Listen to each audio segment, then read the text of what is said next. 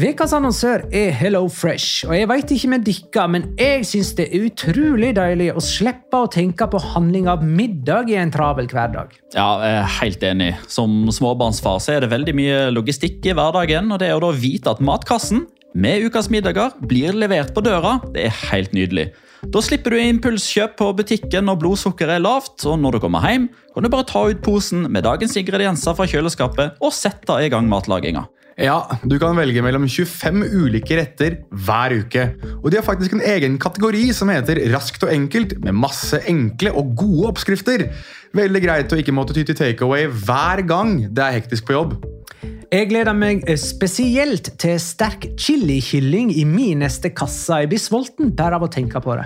Ja, Det er ikke feil med bacon og cheeseburger heller, da. Og det som også er bra, er at matkassen koster det samme hver uke, som gjør det enklere å holde matbudsjettet. Ja, og så blir det ikke matsvinn heller, fordi du får akkurat det du trenger til hver eneste rett. Hello Fresh kan absolutt anbefales, og bruker du koden vår, LIGALOCA, kan du få opptil 1779 kroner i rabatt på de fem første matkastene hvis du ikke har prøvd Hello Fresh tidligere. Du kan også prøve koden hvis du har avslutta abonnementet ditt for tolv måneder siden eller mer. Gå inn på hellofresh.no og bruk koden LIGALOCA. Bon appétit! Hallo? Jeg kommer fra Oslo politikammer.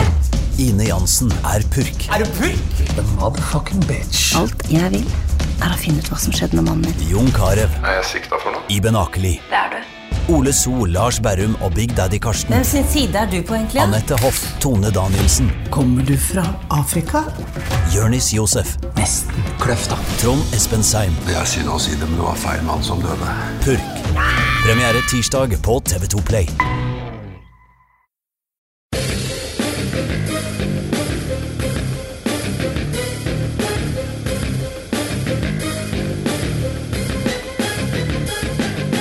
Har du sett? Denne La Liga-sesongen starta 19 dager etter at den forrige slutta, med vitsete publikumsgrafikk, haltende storklubber og enda flere karantener enn det som er vanlig i spansk fotball. Sesongen avslutta med en ny Zidane-avskjed, jubel for Atletico og en sensasjon i en liten keramikkby. La liga loca. En litt gærnere fotball. Ja, ja, ja, dette er La Liga Loca, episode 167 av det ordinære slaget, med Petter Veland i Spydeberg, hei. Hallo! Jonas Giæver i Oslo sentrum, hei. Shalom in the home. Og Magnar Kvalvik på Bjerke, hei. Dette blir, eh, hei, dette blir en episode med en blanding av eh, betraktninger rundt eh, ferske hendelser og større sesongomfattende refleksjoner. Vi skal f.eks. sette opp sesongens lag. Vi sitter på fasiten på våre egne spådommer fra før og underveis i sesongen, til f.eks. tabelltipset vårt. Og så må vi minne oss sjøl på tolv ting som er lett å glemme, men som vi ikke må glemme fra denne sesongen her. Skal vi begynne med det ferskeste, eller noe av det ferskeste? Og det er vel at vi kan gratulere en viss Petter Wæland med en slags triumf. Gratulerer, Petter Wæland, med en viss eh, triumf. Tusen takk for å gratulere meg med en viss eh, triumf. Det hadde jeg aldri trodd jeg skulle få oppleve. Nei, hadde ikke du det? Altså, Vi snakka om den eh, første store tittelen til Villarreal her. De slo Manchester United i Europaligafinalen. Eh, hva ble det? 11-10 på eh, straffespark. Og en som ble eh, Villarreal-supporter da de liksom var gode og kom til Champions League semifinale i 2006, så så du vel for deg at dette skulle skje snarere heller enn eh, sånn eh, 15 år seinere? Ja, det er helt riktig. Det, nå ser jeg jo ikke lytterne det, da, men dere legger kanskje merke til at Viareal-flagget som vi pleier å ha i taket i annekset her, det er jo borte nå. Det var fordi jeg hadde tenkt å brenne det hvis de ikke omsider vant en tittel. Uh, jeg har ikke brent det, jeg har bare ikke rukket å få det opp igjen, fordi det er litt mye styr. Må fram med spiker eller tegnestifter eller noe sånt. Det, det tar tid. Ja, Hvor mange er det som bor i Viareal igjen? Det siste jeg sjekka, så var det 51 369. Jeg tipper Ja. et par stykker har strøket med, så la oss si 37 nå, da. Men det er vel faktisk eh, sant at det er den minste byen som har vunnet en europacup eh, eller noe? Er ikke det Jeg har hørt eh, rykte om det. Ja, ifølge Pedrito Numeros så er det det. Altså, jeg husker ikke farten hva som var den nest minste, men den hadde det- 80 eller, fem- 75 eller 80 eller noe sånt. Jeg lurer på om det er Mechelen eh, fra Belgia? Ja, det kan stemme. Ja, belgiske eh, storbyen.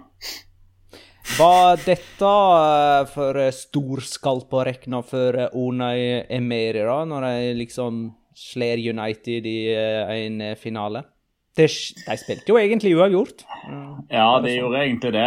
Men jeg, men jeg tenker det, det, vel, det gir vel egentlig en ekstra dimensjon av den kritikken som Solskjær fikk, at den treneren som out-tactica han, var Unai Emery.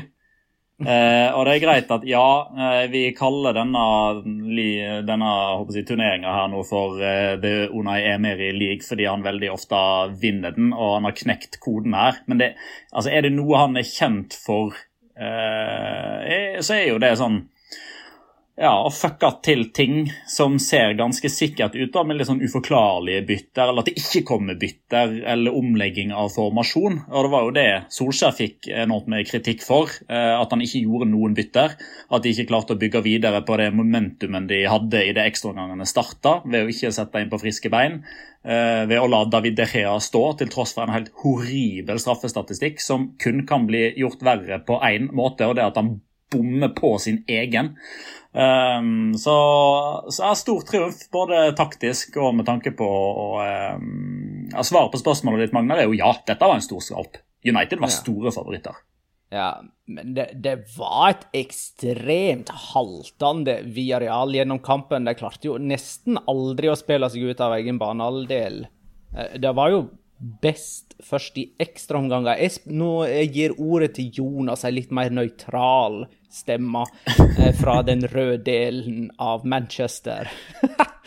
Litt artig at det er en eh, La Liga-låka-duell mellom Jonas og Petter i Europaligafinalen. det skal sies. Ja, ja nå skal det sies at uh, hvor dedikert Manchester United-supporter jeg er i disse dager, det vet jeg ikke. Men det er eh, helt riktig, det, Magnar. Det er det laget jeg Det er det første laget jeg hadde sånn ordentlig affeksjon til, som på en måte blendet meg og tok meg inn i fotballens ville verden. Så det, det er jo ikke feil å si på noen som helst måte. Men um, Nei, altså jeg tror nok hvis du spiller den kampen igjen, eller hvis du spiller ni ganger til, da, så tror jeg Manchester United mest sannsynlig hadde vunnet majoriteten av de ni. Altså skal vi si syv av ni eller noe sånt, med tanke på spill og sjanser og, og den slags. Altså det vi, Men Villarreal har det, har det der, eh, fått det der Ona Emery-genet med å sufflir, men, men jeg var ikke den eneste som satt der og tenkte at når Coquelin ble byttet innpå, når Emery skulle begynne å gjøre ting, så satt jeg og tenkte at å, nå bytter han seg vekk.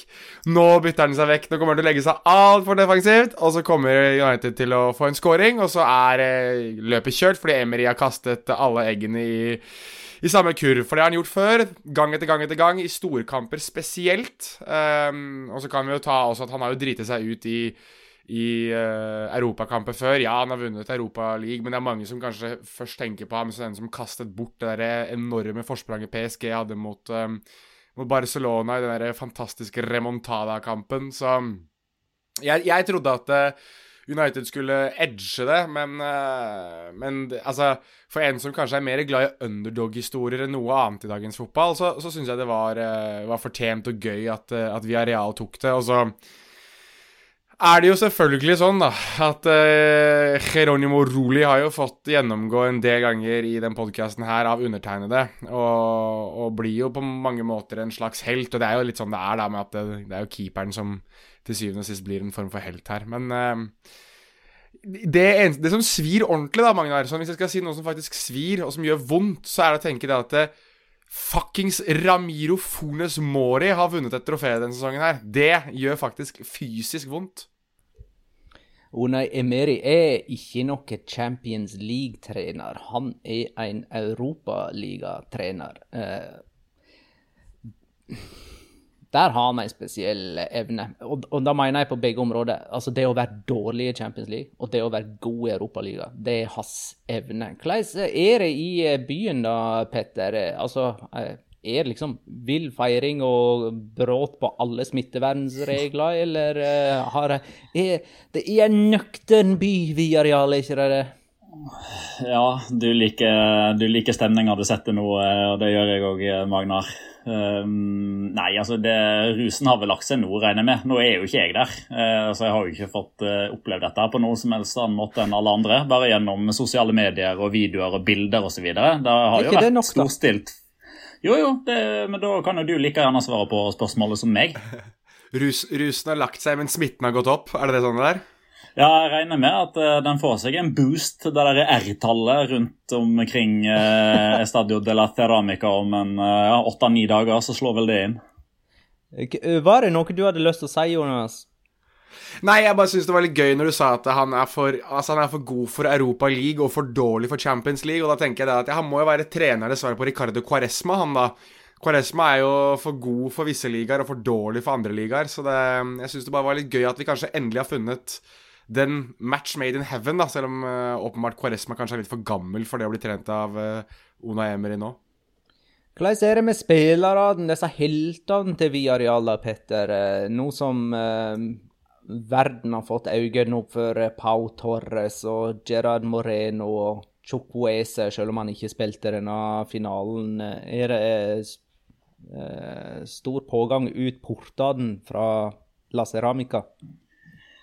Altså, nå sikrer, altså Den Europa League-tittelen her er jo ikke bare altså Det er jo primært et trofé, det aller første i klubbhistorien. Men det gir jo òg noen økonomiske insentiver her som gjør at Viadial som klubb ikke er i nærheten av å måtte takke ja til bud som kommer. Det gjør jo òg at f.eks. Pau Torres, som sammen med Jules Condeno kanskje er topp tre ettertrakta midtstoppere av den unge typen i verden akkurat nå, ser ikke bort ifra at han tar et år til for å få lov til å spille eh, Champions League i eh, barndomsklubben sin, og sammen med Gerard Moreno, som også har gått Han har ikke gått alle gradene, men han har også vært en B-lagsspiller som har slått igjennom og så kommet tilbake igjen til det som jo er betrakta som hans eh, ungdomsklubb.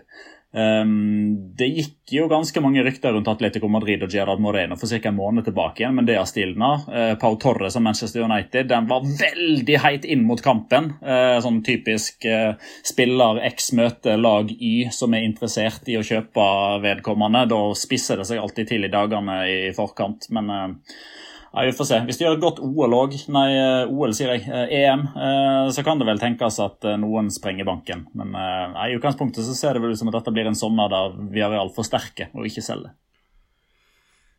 Uh, ja, jeg tenkte jeg skulle bare få lagt ved Ettersom du var inne på dette med, med Pau Torres, så um, Slik jeg kanskje har begynt å gjøre litt oftere enn vanlig. Jeg tok jo en telefon ja, til agenten, eller agenturet til Pau Torres, for å høre litt om um, om statusen der. Altså, det er jo litt sånn man gjerne gjør, og når man har muligheten til det og har de kontaktene man har, så prøver man jo innimellom. Uh, og der var det Altså Uansett hva man prøvde å si, så var det sånn Vil ikke kommentere noen ting akkurat nå. Altså ingenting. Uh, Pau Torres skal fokusere på på mesterskap. Eh, spørsmål kan det skje noe før mesterskap. Pau Torres fokuserer kun på mesterskap. Er det sånn at dere tenker at han blir solgt etter mesterskapet? Pau Torres skal kun fokusere på mesterskap. Så det var jeg, jeg, tolker det som at, uh, som at i hvert fall agenturet, de som representerer Pau Torres, uh, nok ønsker det. Så det, det, kan være at det skjer noe, virker det som. Ketil Velle skriver til oss. Uh, når kommer sesongoppsummeringen? Den hører du på akkurat nå, Ketil. Eller Ketil.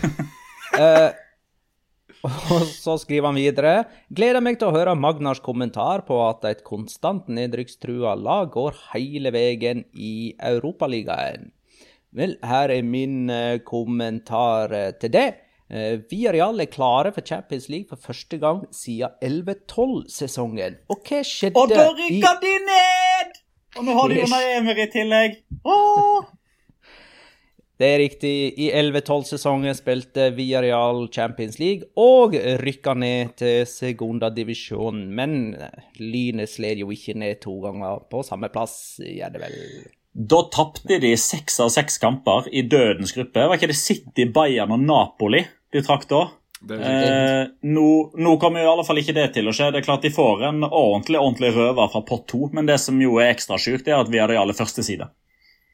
Ja, som Europa, ja, som Europa League-vinner, så er de første Stemmer Stemmer det.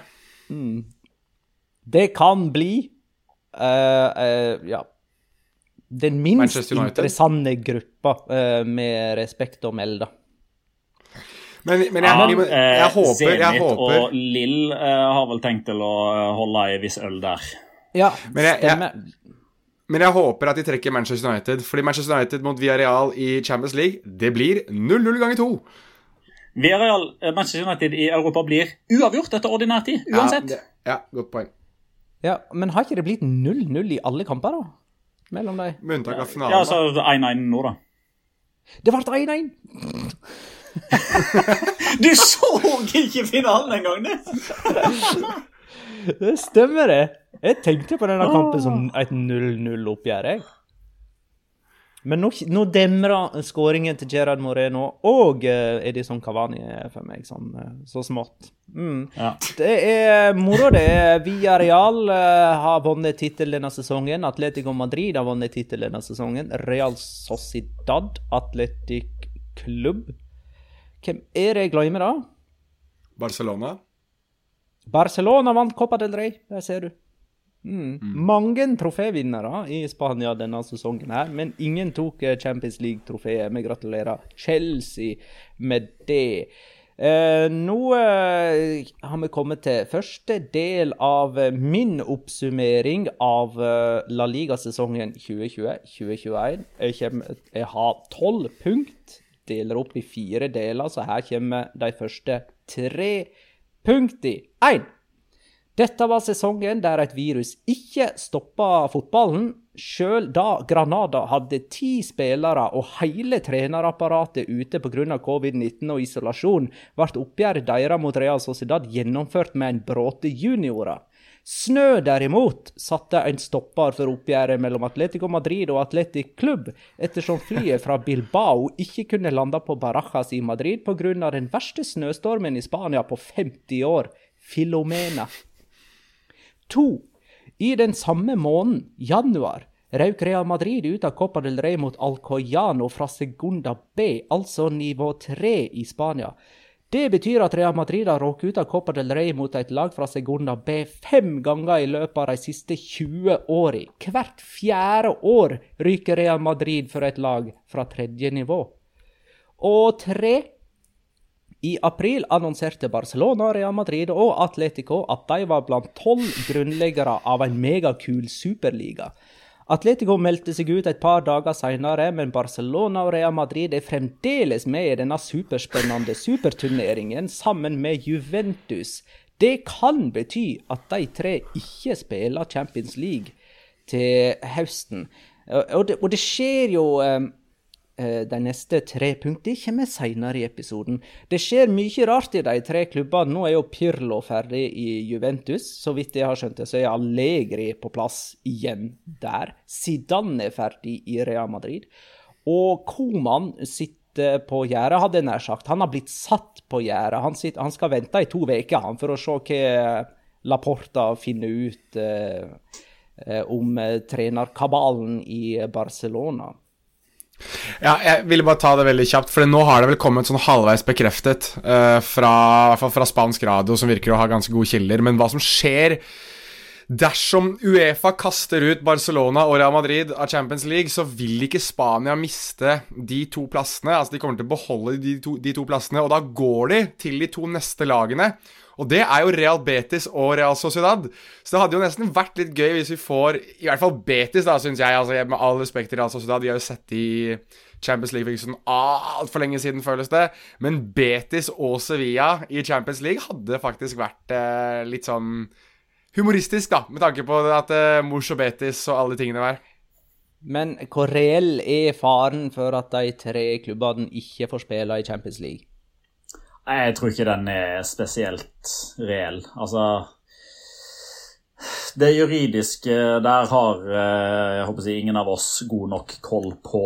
Men eh, jeg vil jo tro at dette her er noe de har gardert seg mot i forkant. Eh, det er jo liksom den ene innfallsvinkelen. Den andre er jo det at vil Uefa gjøre sitt eget produkt så mye dårligere i løpet av en sesong for å statuere et eksempel? Eh, når de ikke gjorde det, f.eks. da Manchester City brøt Financial Fair Play, så skjønner jeg at dette her er mer alvorlig for Uefa sitt omdømme, fordi man faktisk forsøker å bryte ut eh, osv.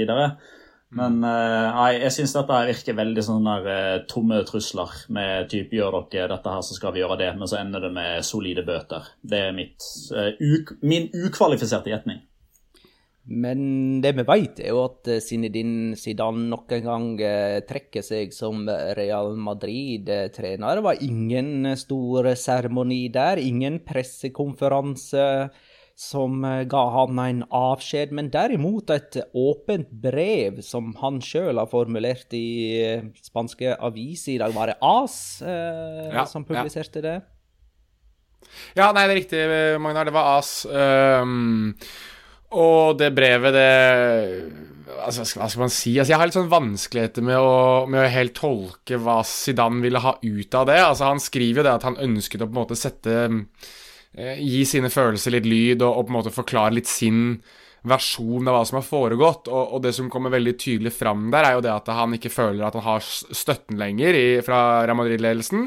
At han ikke lenger har tillit, og at det er annerledes nå enn hva det var i 2018. Altså I 2018 så følte han at han hadde tatt laget så langt han kunne. Nå velger han å trekke seg fordi han ikke føler at han får den støtten han ønsker, og da vil vi jo tro at det både går sikkert på signeringer og det henter spillere, men også på det at en kanskje ikke blir gitt den tålmodigheten, da.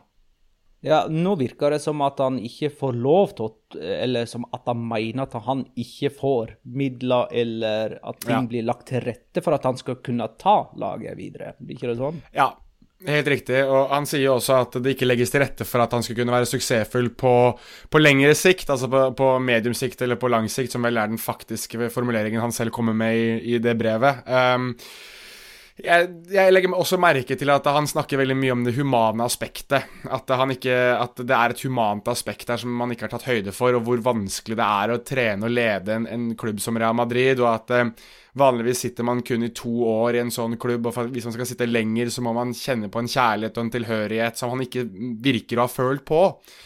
Um, og, det, og, det er interessant i et aspekt, fordi at Zidane er en såpass, uh, såpass respektert og såpass uh, hyllet person i Real Madrid. Men så tror jeg også at han, gjorde, han gjør det ganske tydelig at uh, blant annet ryktene rundt ham da de tapte mot, uh, mot Sjaktar Donetsk, f.eks., at det, det, gikk veldig inn på ham da man for skrev i Marka eller ble lekket i marka, mer eller mindre. At hvis han ikke vinner neste kamp, så får han fyken. Altså, dette er ting og press som han har følt på, som han tydeligvis ikke har satt veldig stor pris på. Og som han har gått og gnagd på, gnagd på, gnagd på, og som nå kommer ut i dette brevet. Og jeg syns uh, På en måte så er det fint at Zidane uh, ordlegger seg, og at de får hans versjon av det. Og så syns jeg det er litt feigt, for det, det, det, kommer i etterkant. Altså, det, han sparker fra seg når det er ingen som kan forsvare seg mot det han sier, egentlig. Altså, det er ikke noen pressekonferanse der man kan stille spørsmål. Det er ikke, det er ikke en, et farvel. Det er ikke noe Det er ikke en samlet melding uh, i form av en pressemelding annet enn det lille som Real Madrid la ut. Det er rett og slett at Zidane uh, fyrer litt løs, da. Og hvor var den der energien og den snerten da han var trener, da han egentlig prøvde å unnvike alle mulige spørsmål, unnvike all mulig kritikk, unnvike all mulig polemikk og, øh, og, og, og kritikk, egentlig. Um, så jeg, jeg, er litt sånn småskuffa, og så synes jeg det er også ganske um, tydelig at det har vært et brudd der mellom Real Madrid og, og Zinedine Zidane også, hvis du ser pressemeldingen til Real Madrid. Den er veldig kort. Den er ekstremt kort. Det er egentlig bare en, en, takk for det du har gitt oss, du vil alltid være velkommen her, Real Madrid er ditt hjem, osv. osv. Ikke noe Hvis du ser f.eks. den meldingen som Juventus la ut til Andrea Pirlo, så så det ut som de hadde signert Pirlo på ny. Mens, uh, mens i Juventus til, nei, Real Madrids tilfelle med Zidane, så var det den korteste pressemeldingen jeg tror jeg har sett på veldig lenge, der en trener av hans status får sparken. Egentlig, eller velger å trekke seg, da, som han gjør. Men nå skal det jo også sies da at dette er jo noe Real Madrid sliter med sånn på generelt grunnlag. Eh, A, de har jo tidenes eh, lateste webredaksjon. Altså Absolutt alle sakene deres er ekstremt korte. Altså Det er liksom det er overskrift, det er ingress og det faktuelle. Og that's it. i, eh, så, sånn er liksom alle Real Madrid sine pressemeldinger. Altså. Det er typ, Hvis du ser forskjell fra f.eks. For Real Madrid og Barcelona, da. Real Madrid Hei, alle sammen, vi har signert David Alaba. Eh, han kommer fra Bayern gratis. Signert til 2025. Det er det. Barcelona skriver liksom hele livshistorien. Skriver sjølbiografien til David Alaba. Det, det, er litt sånn de gjør det. Jo, men, men, samtidig, Petter, du er enig i det at en type som Zidane, da, da han forlot sist gang Greit nok, da var det en pressekonferanse, og det var liksom full ståhei og takk for alt, og da var det litt mer videopakker og fantastiske stunder, og dette var, det, dette herlig, det var herlig å ha deg her, og alle de tingene der. Her er det veldig kort, veldig monotont, veldig kaldt, egentlig. For en som med Raoul og Casillas. Nettopp. Dette er også et poeng. Det er litt, men det er òg litt sånn de gjør det. Ja, Uh, og så Jeg liker det heller ikke, uh, Nei, måten bra. det blir gjort på. Ja. Eh, kan eh, Pochettino være en eh, kandidat? Jeg hører at eh, han ikke er kjempehappy i Paris Saint-Germain. Ja, han burde jo være hvem man tror på, da. Ja, han burde, han burde være en kandidat. Ja. For både altså, no, Barcelona no, no, og Real Madrid, eller bare en av dem? Nei, kun Real Madrid. Jeg tror Pochettino eh, greit, han har vel gjort litt sånn retrett og trukket tilbake en uttalelse eller omformulert seg litt. Grann. Men eh, jeg tror det sitter lenger inne for Pochettino som tidligere espanjol, trener, spiller og kaptein å gå til Barcelona etter den uttalelsen i tillegg, der han vel sa at han foretrukk å hva var det, mate kveget på gården i Argentina enn å være Barcelona-trener. Var ikke noe i den duren, Jonas? Jo da, det var noe, det var noe sånt. Men uh, Altså, Jeg, jeg syns det var interessant at den som var nevnt mest, var, eh, var Max Allegri. At det var han som visstnok skal ha vært frontrunner før Juventus uh, åpenbart hentet ham. Men, uh, men det, jeg syns det virker som det Real Madrid som famler litt i blinde. jeg, da, for det er ikke noen rød tråd, egentlig. Det er ikke noe som jeg får ikke noen sånn essens av at Real Madrid har, forestilt seg at den situasjonen her kommer til å skje, egentlig. Altså, jeg, jeg tror at uh, og det er, det er, kun min hypotese, men Florentino Perez har en evne, en helt egen evne til å overtale folk til å, til å gå, med, gå, med, ham. Altså Han lurte jo strengt tatt med seg elleve klubber ut på en superliga, f.eks. Altså det, det, sier jo sitt, da. At Florentino Perez er en mann som, som åpenbart har en, har en, formidlingsevne og en overtalelsesevne som går utenpå noen annen person i fotballverden. Og når da Zidane virker å ha sagt nei, at Zidane virker å ha sagt at 'jeg vil ikke mer', selv om Florentino Perez åpenbart har prøvd å overtale ham, som er blitt rapportert flere ganger nå, så tror jeg rett og slett ikke det er noen plan B. Og da, og da er det sånn Ja, hvem er ute? Hvem kan vi hente? Ja, Allegri, ok. Eh, Raoul har vi. Eh, ok, nå er Conte plutselig ledig. Skal vi kanskje prøve eh, Altså, det, det, virker liksom ikke som det er noen susseksjonsplan, slik som f.eks. Bayern München var kjapt ute. Da Flick var ferdig, var det Nagelsmann med en gang. Det er, sånn, det er det jeg føler at Real Madrid har manglet her, da. Jeg er helt enig, og, og, årsaken til at vi kan sitte og si dette her med litt sånn pondus og med litt sånn selvsikkerhet på at det faktisk er sånn, det er jo at nå har vi jo gjennom, denne, eh, gjennom dette brevet til Zidane, så har man egentlig igjen da fått bekrefta hvor godt informert spansk presse har vært gjennom hele denne prosessen her. Ja. Eh, for alt det som står altså Det var ingenting i brevet til Zidane i dag som overraska på noe som helst måte, annet enn at man ble litt overraska over at Zidane sjøl kom med det. Mm. Alt det der har blitt rapportert av spansk presse tidligere og har blitt omtalt som ljug, og nå finner de på ting igjen. og Det er jo ikke sånn at Real Madrid får vite alt, eller at Marca og AS får vite alt som foregår i Real Madrid. Jo, de gjør stort sett det. Så når noe havner i marka eller as, som regel, ikke alltid, men som regel, så ligger det noe i det. Og når man da ser at den ene avisa spekulerer i Pochettino, den andre eh, avisa spekulerer i Allegri før han signerer for Juve, og så skriver man en sak om Conte, og så sier man ja, men vi har jo Raoul. Altså, det vitner i alle fall sånn sett utenfra, ut ifra si, analysert situasjonen, det er at Real Madrid har ikke snøring på hvem som blir neste trener. Forrige gang så tok det to uker, og da ødela de VM for Spania. Så det er bare å ringe Luis Henrique, da. Uh, Aguero er klar for Barcelona, så da blir vel Messi værende der, da. Ja, jeg må jo nesten gjøre litt sånn retrett, ja, da, for jeg sa jo det at uh, Aguero kommer inn, og da kommer ikke Wijnaldum og, og Memphis Depay, og da er det Koman som skal ut, og Messi som blir. Men nå ser det ut som alle sammen skal til Barcelona, så nå, nå Alle tror, blir, og alle skal ha høy lønn. Jeg tror, jeg tror, rett og slett jeg må slutte å liksom komme med sånne predictions på, på Barcelona-overganger. Nei, nei, nei, nei, nei, nei, nei, nei, ja. Lautaro Martinez, folkens, han er på vei. Men uh, Aguero er klar. Eh, og så er det vel snakk om Veinaldum. Og så en til som er rett rundt hjørnet. Erik Garcia. Ja, nemlig. Og så er Depay nevnt. Og så er Depay nevnt. Det er også viktig å ta med. Han han har vært-. Ja, et år har vi snakka om Depay nå. Eller i alle fall siden Koman kom. Ja, ja. Nei, men uh, runder vi av uh, der, eller? På Barcelona og Real Madrid?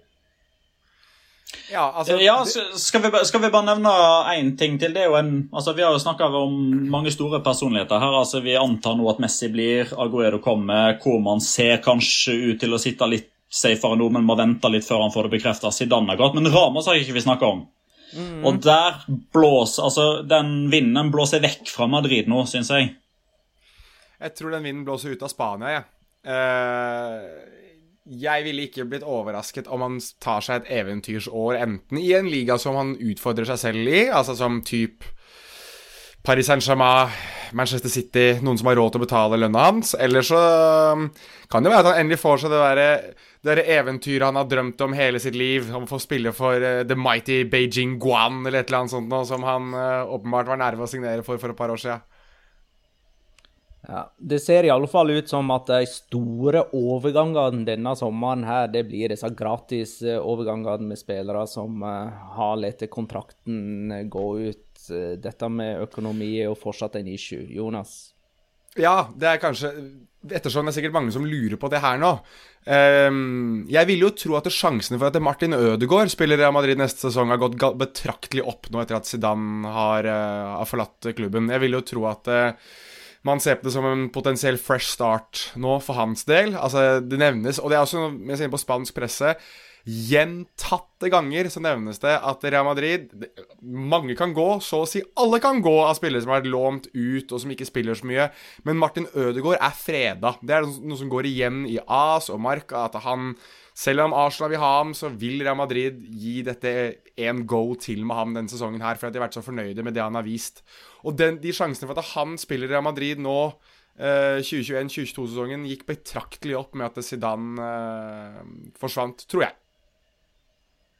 Da går vi videre til min eh, del to av eh, sesongoppsummering. Jeg har kommet til punkt nummer fire. Martin Ødegaard ble kanskje denne sesongens mest bisarre trofévinner. Han spilte både for Real Madrid og Arsenal og vant ingenting med dem. Arsenal enda til og med utenfor europacupplass i Premier League. Men klubben han egentlig skulle ha spilt for denne sesongen, Real Sociedad, vant Copa del Rey-finalen, som egentlig skulle ha blitt spilt i fjor, og teller dermed som et trofé for 1920-sesongen. Ødegaard er første nordmann som vinner Copa del Rey, og sannsynligvis den første i verden som vinner et trofé fra en klubb han ikke jobber for. Og så, eh, Du nevnte jo Rea Real Madrid og Ødegaard her, Jonas. Men jeg har nå hørt at Rea Real Sociedad fortsatt har følere ute. Og da kan han fortsette denne sensasjonsløypa si med at han spiller i Champions League for Real Sociedad neste sesong, fordi at Real Madrid har blitt kasta ut av eh, Champions League av Uefa. Det hadde vært helt fantastisk. Det er jo, det, jeg er enig med deg, Magnar. Hadde det skjedd, så Det hadde vært et eh, godt quiz-spørsmål, for å si det sånn. Eh, Vi har kommet til punkt nummer fem. Valencias midtbanespiller Carlos Soler ble første spiller som skåra hat trick i La Liga denne sesongen. Det gjorde han med tre straffespark mot Real Madrid på Mestalla i en kamp Valencia vant 4-1. Og punkt seks. I april gikk hele Valencia-laget av banen i en kamp mot Cádiz fordi Mukhtar Diakabi skal ha fått rasistiske kommentarer slengt etter seg av Cádiz-forsvarer Juan Cala. Kampen hadde et opphold på 20 minutter før Valencia-spilleren kom tilbake og spilte ferdig uten Diakabi, som ikke følte seg i mental stand til å fullføre kampen. Juan Cala ble bytta ut i pausen, men da hadde han allerede skåra, og Cádiz vant 2-1. La Liga har ikke funnet bevis for rasistiske merknad merknader fra Cala til Diakabi. Interessant med Valencia nå den siste veka er jo at de har henta treneren til den mest forhatte klubben eh, i deres syn, nemlig Getafe. Bordalas er Valencia-trener. Kan du tilgi Peter Lim for alt gale han har gjort nå, eh, Jonas? Ja, jeg må jo nesten si at det var jo en emosjonell ansettelse der. Det at han ansatte jo strengt tatt faren min til å ta over klubben som står mitt hjerte nærmest i Spania. Det, Peter Lim han satte, satt meg skikkelig i sjakk der. Um, men nei, jeg kan, kan, vel ikke det, men jeg syns det er en uh, Det er en spennende signering, men jeg kan også si at uh, hadde man sittet litt roligere i båten og bare ventet til eh, Diego Martinez uh, sa takk for seg i, Granada, så hadde den kanskje vært enda mer spennende, spør du meg. Men, men nei, altså, Pepe Bordalas, han har jo hatt en hva skal jeg si, en kurve som har gått litt sånn rett opp og så rett ned i Getafe. Og på veien så har han klart å irritere på seg Gud og hvermann, og spesielt, eh, spesielt menneskene på, på Mestallas. Det er jo en litt sånn oppsiktsvekkende og kontroversiell overgang i det at eh, de velger jo strengt tatt å hente treneren til sin nye om ikke erkerival, så i hvert fall en, en, et lag de ikke er spesielt glad i, og som det er mye kort å kalle faenskap i da, hver gang de møter hverandre. Så jeg liksom jeg, jeg, må jo være såpass ærlig og si at det er en del av meg som sitter og krysser fingra for at Alan Niom og Damian Suárez kommer inn dørene på Mestalla og bare lager enda mer faenskap uh, neste sesong. Så det um, eller nå må jeg også korrigere meg selv. Valencia henter jo ingen, så det, det kommer jo ikke til å skje. Men uh, greit. Bordalas uansett, det er spennende, og jeg, jeg tror at det er, en, det er en smart ansettelse. For det er også en kar som vet det å stå i stormene sine. La jeg for øvrig merke til at Retafe-president eh, Angel Torres hadde en litt sånn ironisk eh, og sarkastisk undertone da han sa at eh, det er en stor ære for Retafe å sende treneren vår videre til en av våre kjære klubber som vi har et så godt forhold til. Far, mitt, far, min sitt kjøkken er det en som heter på Twitter, faktisk, og han skriver kunne La Liga Låka Pod tenke seg å være med på et lite spleiselag, slik at vi får Peter Lim ut av Valencia? Eh, alle pesetas kommer godt med. Kanskje vi skulle faktisk ha bidratt. Det er jo eh, mange klubber i Spania som har mange forskjellige eiere rundt omkring nå for, av sånne her, innsamlingsaksjoner. Real Oviedo, den siste, vel? Ikke har ikke de ganske mange sånne aksjeeiere? Real Oviedo og Eibar er vel de, ja. de siste i rekka der. Men spørsmålet er jo liksom hvor jeg tror kanskje måten å få Peter Lim ut på er vel i stedet for å betale han ut, så er det vel kanskje det å finne noe annet som han kan glede seg til når han står opp om morgenen. For Det er jo det som er hovedinsentivet hans eh, for å være Valencia-eier. Da kan han stå opp om morgenen, være eier av en fotballklubb og se hva som skjer. Ja, Kanskje vi kan eh, få han til å investere i La Liga Loca Pod, og så blir det hans nye prosjekt. Så har vi redda Valencia på den måten. Apropos Eibar, da. Mendelibar er ferdig. De rykka jo ned, endte på sisteplass. Mendelibar satt i seks år, han da? Stemmer det. Mm. Mm. Er det en klubb vi tror kan komme seg opp igjen, eller? Og veit vi hvem det er som tar over? Nei, Nei ikke ennå. De, har, eh, de lot jo òg eh, sportsdirektøren Fran Garagarsa gå. For øvrig et sinnssykt kult navn. Fran Garagarza. Eh, men eh, ny sportsdirektør har de ansatt. Eh, og jeg synes egentlig Det er et litt sånn fint bilde på hvordan det fungerer i Spania. Fordi Jeg husker ikke hva sammenheng det var, men for et, for et par dager siden på, på, Twitter så måtte jeg liksom forklare overfor en nysgjerrig tvitrer som lurte litt på hvordan dette her var med, med hvem er det som egentlig bestemmer i de spanske klubbene. altså Hvorfor, hvorfor har f.eks. sportsdirektøren så mye makt?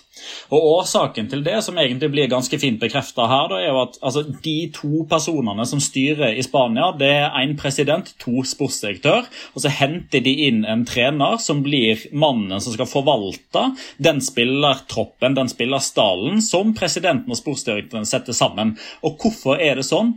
Jo, fordi varigheten på en trener er som regel veldig mye kortere enn på en sportsdirektør, og i hvert fall på en president. Så det er det går, altså det er pyramiden, i motsetning til her i Norge, der veldig mange trenere er den som liksom har makten. Ja, Han vil ha en høyreback som spiller på den og den måten, og han vil gjerne ha den og den spilleren. Og så er det sportsdirektøren som på mange måter skal ut og hente den etter å rådføre seg med treneren. Uh, her er det mer sånn at ja, treneren er med på råd og sier liksom sånn ja, hvis vi skal nå våre mål, så må vi gjerne ha en høyreback som har de og de kvalitetene, eller jeg ønsker å spille den og den formasjonen. Og så går sportsdirektør og president i i gang med en lang prosess som gjør at de henter inn spillere som passer profilen. Og så er det trenerens oppgave å sørge for at dette fungerer, at det blir resultater. Og blir det ikke resultater, så må treneren gå. I stedet for at man alltid får sånn at kommer det inn en ny trener, så er det ikke sikkert han vil ha spiller nummer 4, 12, 15, 18, 21 og 24 i den stallen. Og så vil han heller ha inn han og han og han og han og han. Og han, og så blir det omveltning sesong etter sesong etter sesong. Så Sånn gjør de det i Spania. Og så er jo Eibar faktisk et eksempel både på at fotballen fortsatt har sjel og er uforutsigbar, og på at fotballen er et produkt overalt der fotball blir spilt på øverste nivå. Altså, de kom opp eh, som en overraskelse fra Segunda. Da hadde de òg rykka direkte opp fra Segunda B. Og så var det bare så vidt de fikk lov til å være med i La Liga, fordi at La Liga har et krav på hvor stor en egenkapital en klubb skal ha, og Eibar sin egenkapital var for liten, så de måtte samle inn penger fra supportere, selv om budsjettet og økonomien deres var ryddig. Det var bare at de hadde ikke nok penger i formue. Og så kommer de opp, får uh, samla inn nok uh, penger. Og så har de en stadion som er for liten for La Liga-produktets krav. Og, den stadion er jo tett inni et Bustadfelt, så det er jo ikke plass til å bygge den ut. Og så må de det likevel for å få være med i det gode selskap. Og bygger jo stadion da inn i naboblokken, og har endelig da fått utvida denne til 8000 eh, tilskuers kapasitet for å få være med i La Liga, og så rykker de ned. Ah, men, beholder plass, men, men, men, beholder jo plassen første gangen de rykker ned, da, fordi det var noen andre som ikke hadde eh, orden i økonomiske sysakene sine? Jo, men det, det var jo mer korrupt, det Elche drev da, med, med, sitt finansielle rot. Altså, Eibar hadde jo orden i økonomien, ja, ja, ja. det var bare Bevares. at kapitalen var ikke stor nok. Så La Liga det er en produktliga, det òg, på sitt vis. Men klubber som Eibar har i alle fall sportslige muligheter for å bli med der, da, i det minste. Vel, og så er det ikke minst en veldig mye større klubb nå, da, når de skal spille Segunda divisjon 21-22, kontra da de rykker opp i 13-14. Skal vi gjøre det, det, det, Dette er ikke en klubb som bare forsvinner, liksom sånn Saragossa og eh, Racing Santander og Deportivo la Coruña, Malaga. Ja, vi får se. Vi får se. Men eh, ja, Granada eh, har ikke sin heltetrener lenger heller. Hvorfor vil ikke Martinez fortsette? Det, han kjører vel eh, sin variant av Zidane i 2018. Eh, ja. altså Her er Sitona skvist ut. Han kan ikke gjøre mer. Eh, han rykka opp på første forsøk, tok det til Europa på første forsøk, kvartfinale i Europaligaen og ny plass på øvre halvdel. Det Toppen er nådd. Han står på Mount Everest og har kasta oksygenmaska. Nå er det 31. mai på kalenderen. Skal vi Ja, skal vi si rundt ja, 2.-3. desember kanskje. Så blir han ny Español-trener når Español-treneren ryker tidlig etter å ha hatt en ganske horribel sesongstart. Stinker jo noe sånt uh, for Diego Martinez sin del, da, egentlig. Eller så går det litt uh, troll i jorda, så blir han Valencia-trener i oktober. Ja, det er ikke utenkelig, det heller. OK, eh, vi er kommet til del tre av min oppsummering av La Liga-sesongen. Det er punkt eh, sju. I mai fikk både Real Madrid og Sevilla straffe i én og samme spillesekvens. Benzema ble felt av Bono på stillingen 1-1, og dommer pekte på straffemerket, før han tok en tur til skjermen og fant ut at Eder Militao hadde hensa i motsatt 16 meter ti sekunder tidligere. Dommer peker dermed på det andre straffemerket, og Rakitic sendte Sevilla opp i 2-1 i en kamp som enda 2-2. Åtte alle stadionur i Spania stoppa på 90 minutter, fordi det visstnok ligger en fare i at spillere og fans veit hvor mange overtidsminutt som er spilt. Men så er ikke det alltid lurt å gi dommere full kontroll på tilleggstiden heller. I kampen mellom Sevilla og Granada ble dommer de Burgos Bengochea av etter tre tilleggsminutt, selv om han egentlig hadde lagt til fire. Sevilla-spillerne gikk lykkelig uvitende inn i garderoben og kledde av seg, sikre på at de hadde vunnet kampen 2-1. Brått fikk de beskjed om å kle på seg igjen, gå tilbake på banen og spille ferdig det siste tilleggsminuttet.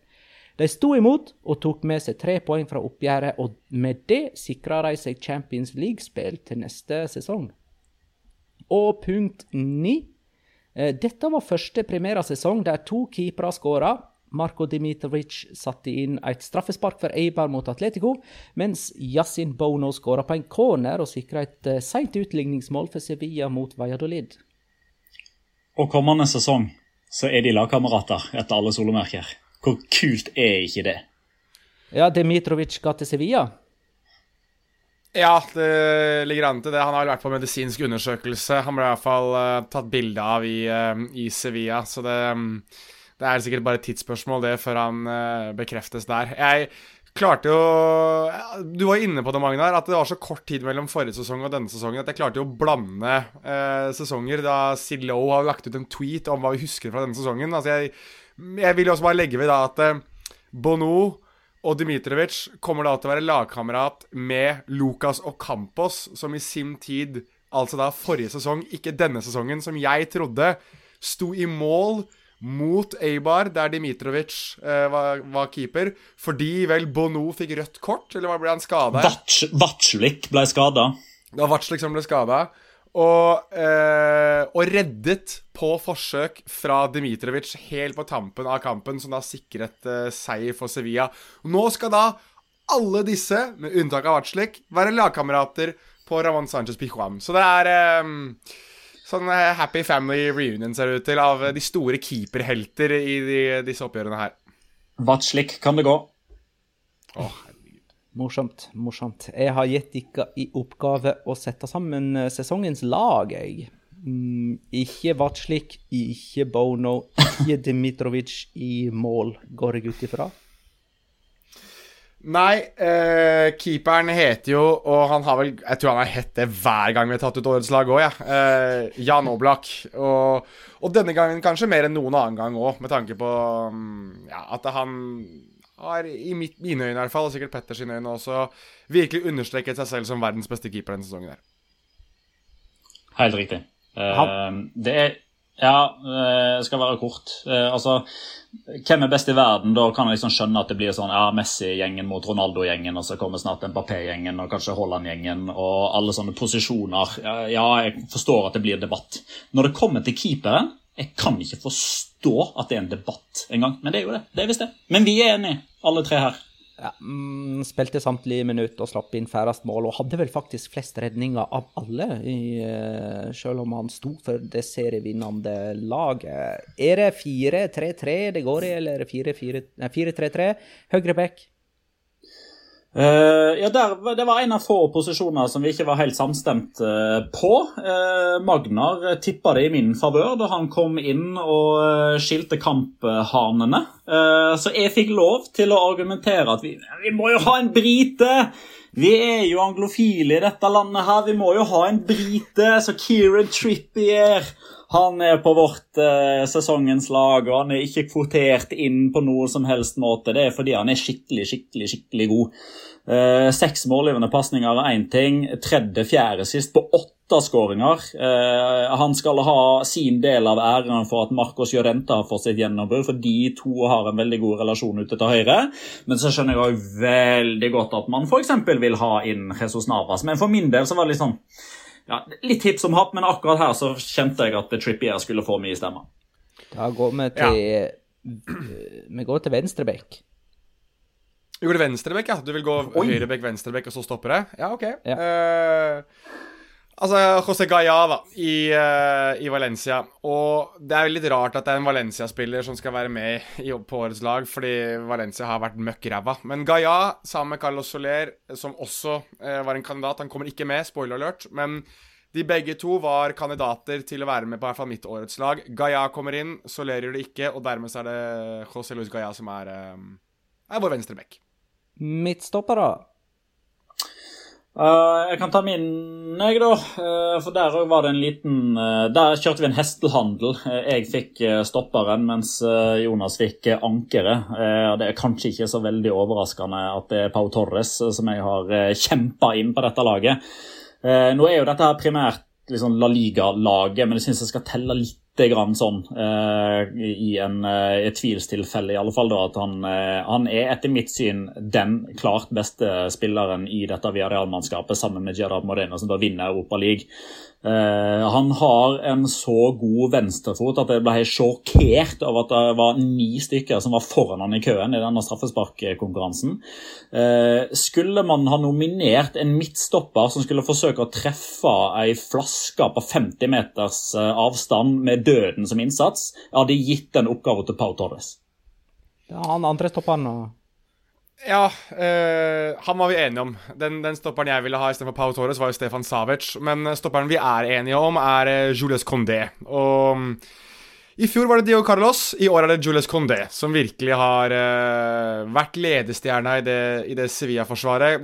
Dio Carlos ikke helt klart å leve opp til 1920, men Julius Condé har jo um, Altså, det er vel egentlig bare å si det. Han er tatt ut den, i den franske EM-troppen på stoppeplass. Og hvis du går gjennom alle de som ikke er med for Frankrike, så får du en ganske enorm eh, ansamling av midtstoppere. Bare for å ta eksempelet til de som ikke har fått det med seg. Aymeric Laporte i Manchester City er såpass god, han, at han ikke kommer med for, for Frankrike, men nå har han måttet velge Spania. Altså, og, det, det, legger lista for at Condé sin involvering her er bare på et helt annet nivå. Så Jules Condé, som for øvrig hadde også kanskje et av årets mål mot, uh, mot Barcelona i et av de villeste raidene jeg har sett. Uh, Condaradonna, som jeg kalte han da, uh, han kom med på vårt lag. Ja, det var i Copa del Rey for øvrig, det målet. Bare sånt det er nevnt. Eh, ja. Ankeret på midtbanen. Jonas? Ja, jeg kan ta det, for her fikk jeg hestehandla inn min. Eh, vi var enige om at du skulle være brasiliansk. Eh, vi var bare litt usikre på hvilken brasilianer. Petter ville ha Fernando Reges fra, fra Sevilla. Jeg ville ha eh, verdens Miro. Eh, han er eh, Altså, jeg kommer ikke utenom hvor enormt god Casemiro er i den rollen. Jeg vet at, eh, at Angolo Canté blir hyllet som kanskje den beste defensive midtbanespilleren i verden. De er ulike typer, men i den ankerrollen så er det ingen spiller i verden som er bedre enn Casemiro i mine øyne. Altså, han er solid, han balanserer midtbanen, han lar Kroos og Modric få lov til å bevege seg fritt. Og han varter nå også opp med skåringer når de trenger det. Casemiro er eh, så å si komplett i den rollen han spiller nå, og er eh, definitivt i dette laget her for min del. Og de to eh, andre da på midtbanen, Petter, kan ta deg, da? Ja, Jeg kan ta Marcos Jarente først. Jeg nevnte jo han i forbifarten med Kieran Trippier. så vi beholder jo de gode, Det er viktig med gode relasjonelle ferdigheter når vi setter sammen et eh, sesongens lag med spillere fra mange forskjellige klubber. Så her har vi liksom bare beholdt eh, høyresida til, eh, til Atletico Madrid. Um, Litt òg fordi det har vært så uventa. Eh, ja, vi fikk noen hint om hvor Marcos Janente var på vei hen eh, fra og med mars eh, forrige sesong, da han skåra to på Anfield. Og så var han jo relativt god på tampen av forrige sesong òg. Men tosifra antall skåringer og målgiverne for Marcos Llorente det er en så vanvittig omveltning på hva slags type spiller han en gang var, og som han nå en gang er. Eh, at litt på bakgrunn av det overraskelsesmomentet der òg, så hadde det ikke vært for at Lionel Messi er Lionel Messi og er på en annen planet enn alle andre fotballspillere, skulle jeg ha nominert én spiller til sånn type La Ligas beste spiller denne sesongen, så hadde det faktisk min stemme gått til Marcos Jurente. Marcos Rente Ja, nei, jeg bare får sagt det. Jeg bare omdøper Marcos Jurente til La Ligas stygge andunge. For han er jo ikke noen, han er ikke noen andunge, han er jo en vakker svane. Og det har han jo vist når han har fått spille i den, i den rollen. Um, en som også er vakker, og har vært vakker i mange mange år nå, er Tony Cross. Og jeg syns det var litt vanskelig å velge, velge, spillere på midtbanen denne sesongen her. Altså det, det, er liksom ingen som har uthevet seg sånn enormt. Uh, så jeg prøvde å finne den som var konsekvent i, i, i, godt driv, og som aldri hadde noen sånn kjempe-ups and downs. For det, det, det faktiske toppnivået hadde jeg nok gitt til Nabel Feker. Men, eh, men jeg syns Tony Cross har vært, eh, vært god. Altså Han har aldri hatt noen dårlig kamp den sesongen for Real Madrid. Jeg syns han også har steppet opp f.eks. i den tidligere nevnte kampen mot Sevilla, der han skårer det 2-2-målet. Altså Han har eh, en egen evne til å ta over kamper med den pasningsfoten sin og måten han dikterer spill og tempo på. At um, han var den som kom inn i konkurranse med typer som um, ja, Carlos Soler, Sergio Canales, eh, i hvert fall tidvis, og, og Nabil Feker, da, som jeg tror var nærmest, derfor for min del. Ja, og kanskje Pedri, hvis han ikke hadde dabba av. og Hvis ikke, hvis ikke, hvis ikke Korman hadde kjørt rovdrift på Korman Nei, eh, hvis ikke Korman hadde kjørt rovdrift på, eh, på Pedri og Hvis han hadde beholdt formen som han hadde fram til og med sånn typ midten av februar, slutten av februar, begynnelsen av mars, der, så tenker jeg kanskje han hadde vært med. Enig. Angripere? Um, Jedad Moreno syns jeg er helt åpenbar eh, der. Han har skåra 23 mål. Han, er, han, har kun Messi foran seg. Han har uh, big game Karim ved siden av seg. Han er foran uh, Luis Suárez, så har han i tillegg ti målgivende pasninger. Uh, han er en av kun tre spillere denne sesongen som har double digits, både hva angår skåringer og og, og, målgiverne. Veldig ofte 1-0, veldig ofte poenggivende skåringer. Så um, han eh, syns jeg er helt åpenbar her. Og så legger vi vel han litt ute til venstre, da, hvis dette skal passe seg. Mm. Mm. Og så er det jo de to andre du har nevnt der, da. Benzema og eh, Lionel Messi, som er i angrepstrioen. Og da, da må jeg bare spørre hva er argumentet for å utelate Luis Suárez fra årets lag? Det er fordi Luis Suárez har vært over middagshøyden de siste fem åra, og det har han bevist. Nei, altså Det, det var flere som, uh, som, som, stilte det spørsmålet jeg, jeg la ut mitt årets lag på Twitter. Og, og det er egentlig mest fordi at jeg syns Karim Benzema har vært mer hva skal jeg si, banebrytende for Real Madrid enn det Luis Suárez har vært for, for Atletico Madrid. Altså Suárez hadde en periode med måltørke veldig lenge, og ja, han våknet opp mot slutten av sesongen, men men det er en grunn til at jeg kaller Karim Benzema for Big Game Karim. Og han viser det gang etter gang etter gang, etter gang og jeg syns han har blitt så enormt komplett som spiss. Altså, bare for å ta det igjen, da. Det at han er inne i det franske landslaget nå, det, det gjør jo det at altså, det franske landslaget har jo fått en helt ny dimensjon. Bare fordi at Karim Benzema har kommet med. Han er blitt lederen i Real Madrid. Jeg mener han har tatt over mye etter Sergio Ramos, litt fordi Ramos var så mye skada. Han har vist seg som en, som en pålitelig målskårer også nå. Og, og jeg, mener, jeg, mener, sånn sett under ett så er det vanskelig å, å se Altså Hvis du tenker relasjonsmessig, da Greit nok, som nummer ni til det å skåre mål og til å være enormt sånn sett, så er Robert Lewandowski miles ahead av Karim Benzema. Men det relasjonelle og det å være med i det oppbyggende og forstå spillet og, og, få, mer, og få, flere spillere i spillsekvensen, så syns jeg det er vanskelig å komme utenom Karim Benzema som beste spissen i verden på akkurat det. Jeg er enig. Um, vi var jo enige om spissplassen her. Jeg og har Benzema foran uh, Suárez. Uh, men det forteller jo mer om Benzema enn om Suárez. Det er jo ikke fordi, fordi man ikke Altså, Vi finner ikke plass til Iago Aspas heller. Ja. Han er jo for øvrig en av de andre som har double digits, uh, i, men han er jo ikke med, han heller. Men det er jo ingen som klager over at han ikke er med. Jeg skjønner at uh, utelatelsen av Luis Suárez er verdt å debattere. Definitivt. Det er, det er tvilstilfeller, dette her. Men Benzema han skårer flere mål. Uh, jeg mener betydningen hans for Real Madrid er større enn for Atletico Madrid. og Det sier med visshet om at skåringene til, til Luis Suárez sikrer flere poeng for, uh, for, Atletico Madrid enn hva skåringene til Karim Benzema sikrer for Real Madrid. Men det handler jo utelukkende om tidspunktet skåringene kommer på, ikke nødvendigvis hvor god man har vært eller hvor mange mål man har skåra. Og så ser jeg òg på forskjellen, da. hvor mye de bærer det offensive spillet. Altså, Hvis du fjerner Luis Suárez så har du fortsatt Angel Correa, som faktisk er den spilleren i, i mitt eh, hode som på slutten av sesongen er viktigst i Atletico Madrid. Han skårer de viktigste målene. Han har de viktigste målgivende pasningene. Det er han som ofte tar taket og endrer kampbildet. Vi har nevnt Marcos Llorente. Jannik Carasco har ti målgivende. Han ble matchvinner hjemme mot Barcelona. Fjerner du Karin Karim Benzema fra Real Madrid, så er det nesten et nedrykkslag. Fordi Lucas Boyer han er den, nei, jo, eh, Lucas Boyer er vel den toppskåreren internt i en klubb med lavest antall. Han skårer sju mål for Elche. Fjerner du Karim Benzema, så har, Karim, eh, så har Casemiro seks mål. Det er nestemann på lista. Altså Real Madrid har nesten rykka ned uten Benzema. All right. Da ble det årets uh, lag av La Liga Locca-redaksjonen. Velblåst, uh, gutta. Uh, siste del nå av min oppsummering av sesongen. Jeg har kommet til punkt ti. I november døde Diego Armando Maradona 60 år gammel. Den samme, ve veka spilte Lionel Messi mot Osasona og skåra en spegelvendt variant av det eneste målet Maradona skåra for, uh, for, Messi sin barndomsklubb Newells Old Boys. Messi feira skåringen med å ta av seg Barcelona-drakta og vise fram Newells Old Boys-drakta Maradona i si tid bar, med nummer ti på ryggen, selvfølgelig. 11. Nyopprykka Kadis starta sesongen uten å vinne noen av sine første fire heimekamper, men derimot å vinne alle sine fire første bortekamper. Det inkluderer møtet med regjerende mester Real Madrid, som de slo 1-0 på Valdebebas, deres første borteseier mot Real Madrid på 30 år. Og 12. La Liga bestemte at de måtte kompensere for publikumsfrie fotballkamper med å legge på falsk publikumslyd som i sin spede begynnelse brøt ut i jubel i hist og pist og tidvis kom og forsvant helt vilkårlig og bare sånn for det.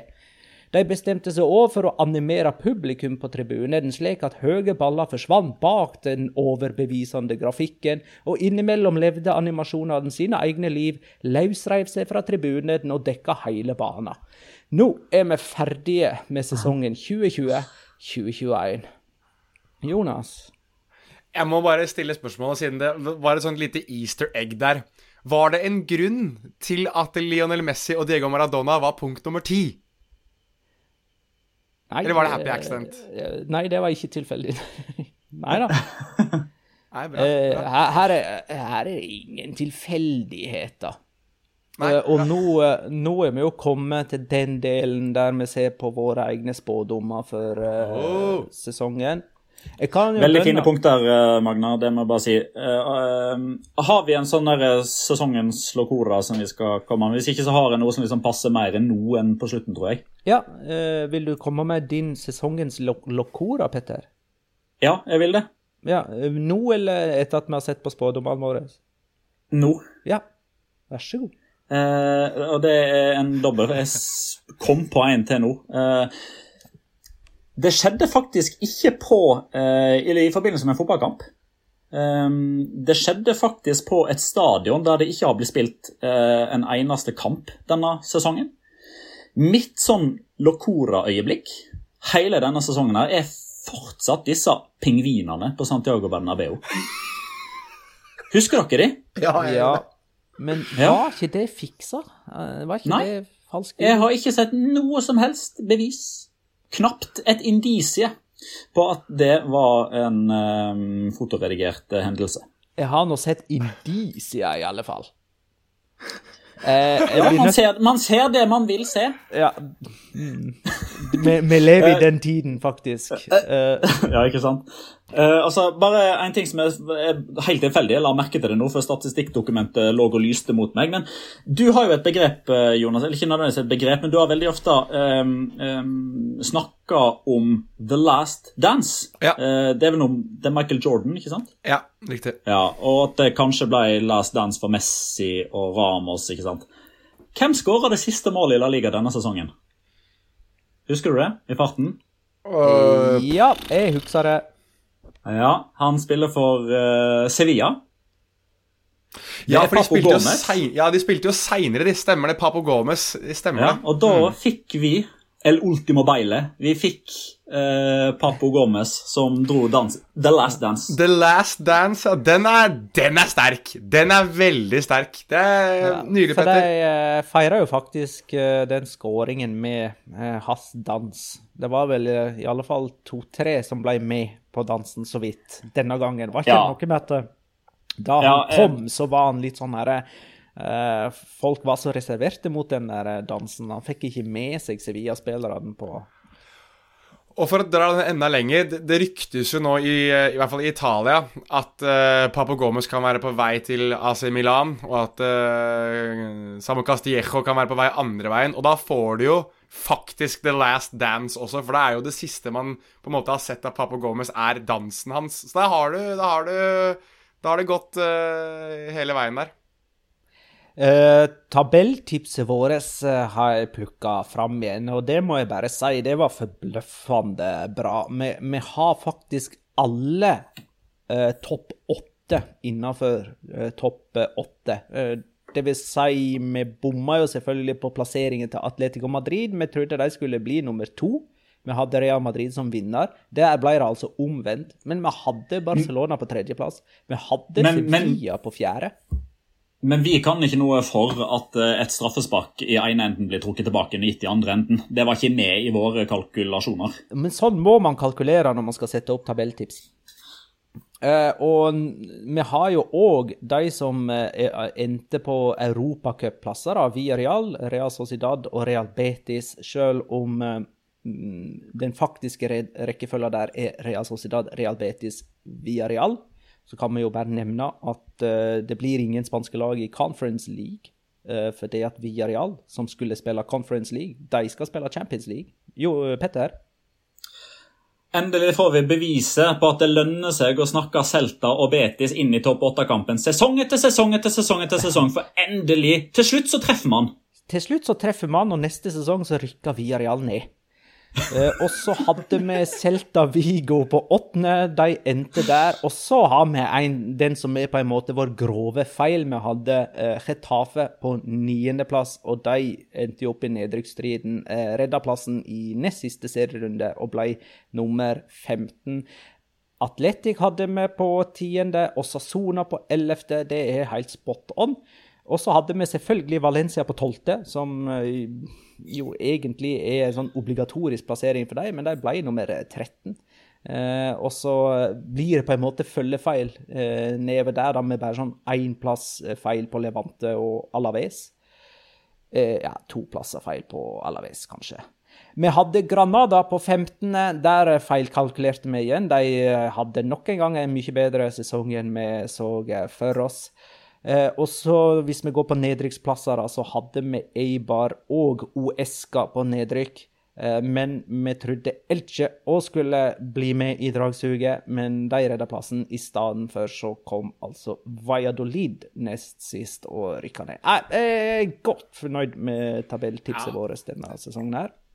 Det viser det at uh, når du faktisk følger med på ligaen, og faktisk gjør ditt for å prøve å bidra til uh, både entusiasme og kunnskap rundt uh, ligaen du følger, så vet du jo også hvordan du skal sette opp et tabelltips før sesong. Så jeg, vil jo, du kan jo òg si at La Liga er veldig forutsigbart og veldig lett å ja. Ja, det er så enkelt. Kjempeenkelt. Er bare å bare lese seg opp på La Liga. Det er enkleste å gjøre, så er du klar til neste sesong. Vi må ta noen av spådommene våre. Vi ble spurt eh, f.eks. i episode 131, dette var i september, hvor mange eh, kamper får Martin Ødegaard fra start eh, for Real Madrid? Og hvor mange mål og målgivende får han? Jonas hadde 16 starter, ett mål og én målgivende. Petter hadde 21 21 starta, 3 mål, 7 målgivende. Jeg hadde 17 starta, 2 mål og 5 målgivende. Fasiten er 3 starter og ingen målpoeng. Jonas var med andre ord nærmest. Vent litt, da. Vent litt da. Petter sa 'du er i nærheten'. Ja! Jeg bare bomma med 13 kamper. ja, ja, nei, nei, men eh, du var i nærheten på målpoengene, da. Ja, det var jeg. Det er jeg enig i. Um, I oktober ble vi spurt eh, hvem skåra flest mål av Ansu Fati og Luis Suárez. Jeg hadde Luis Suárez. Petter hadde like mange. Jonas hadde Ansu Fati. Og, vi gidder ikke å se på fasiten en gang. Kan vi, ta, kan vi finne fram snittet der per spilte kamper? ja, det kunne Da tror jeg det er ganske likt, skjønner du.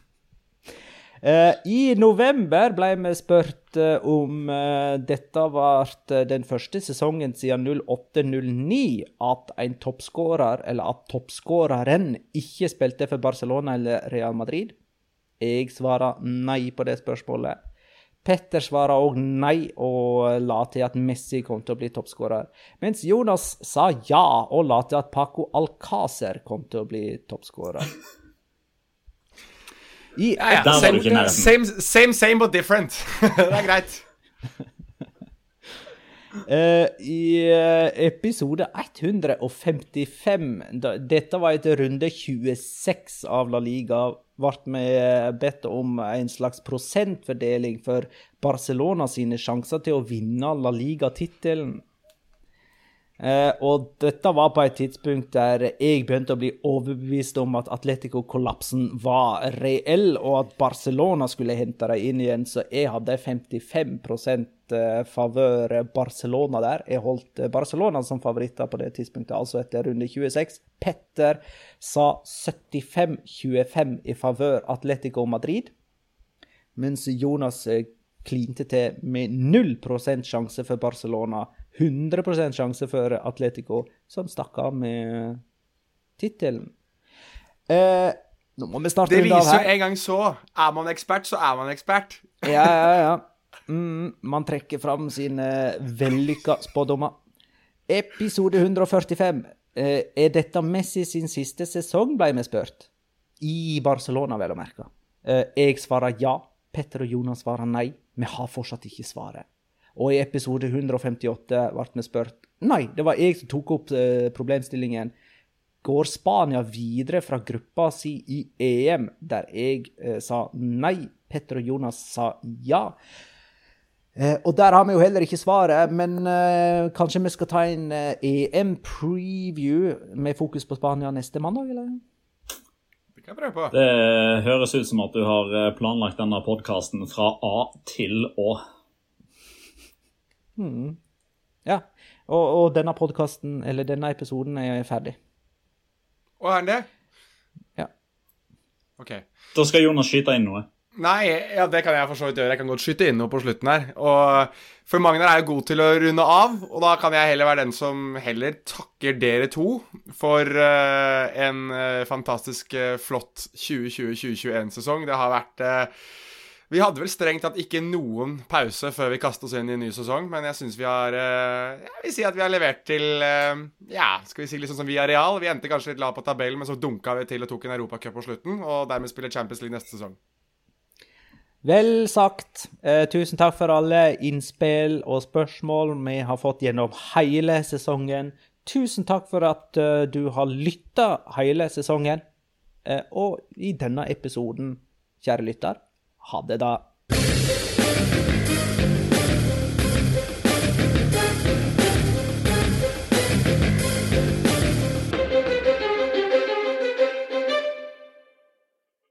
Har du et enkeltpersonforetak eller en liten bedrift? Da er du sikkert lei av å høre meg snakke om hvor enkelt det er med kvitteringer og bilag i fiken, så vi eh, gir oss her, vi.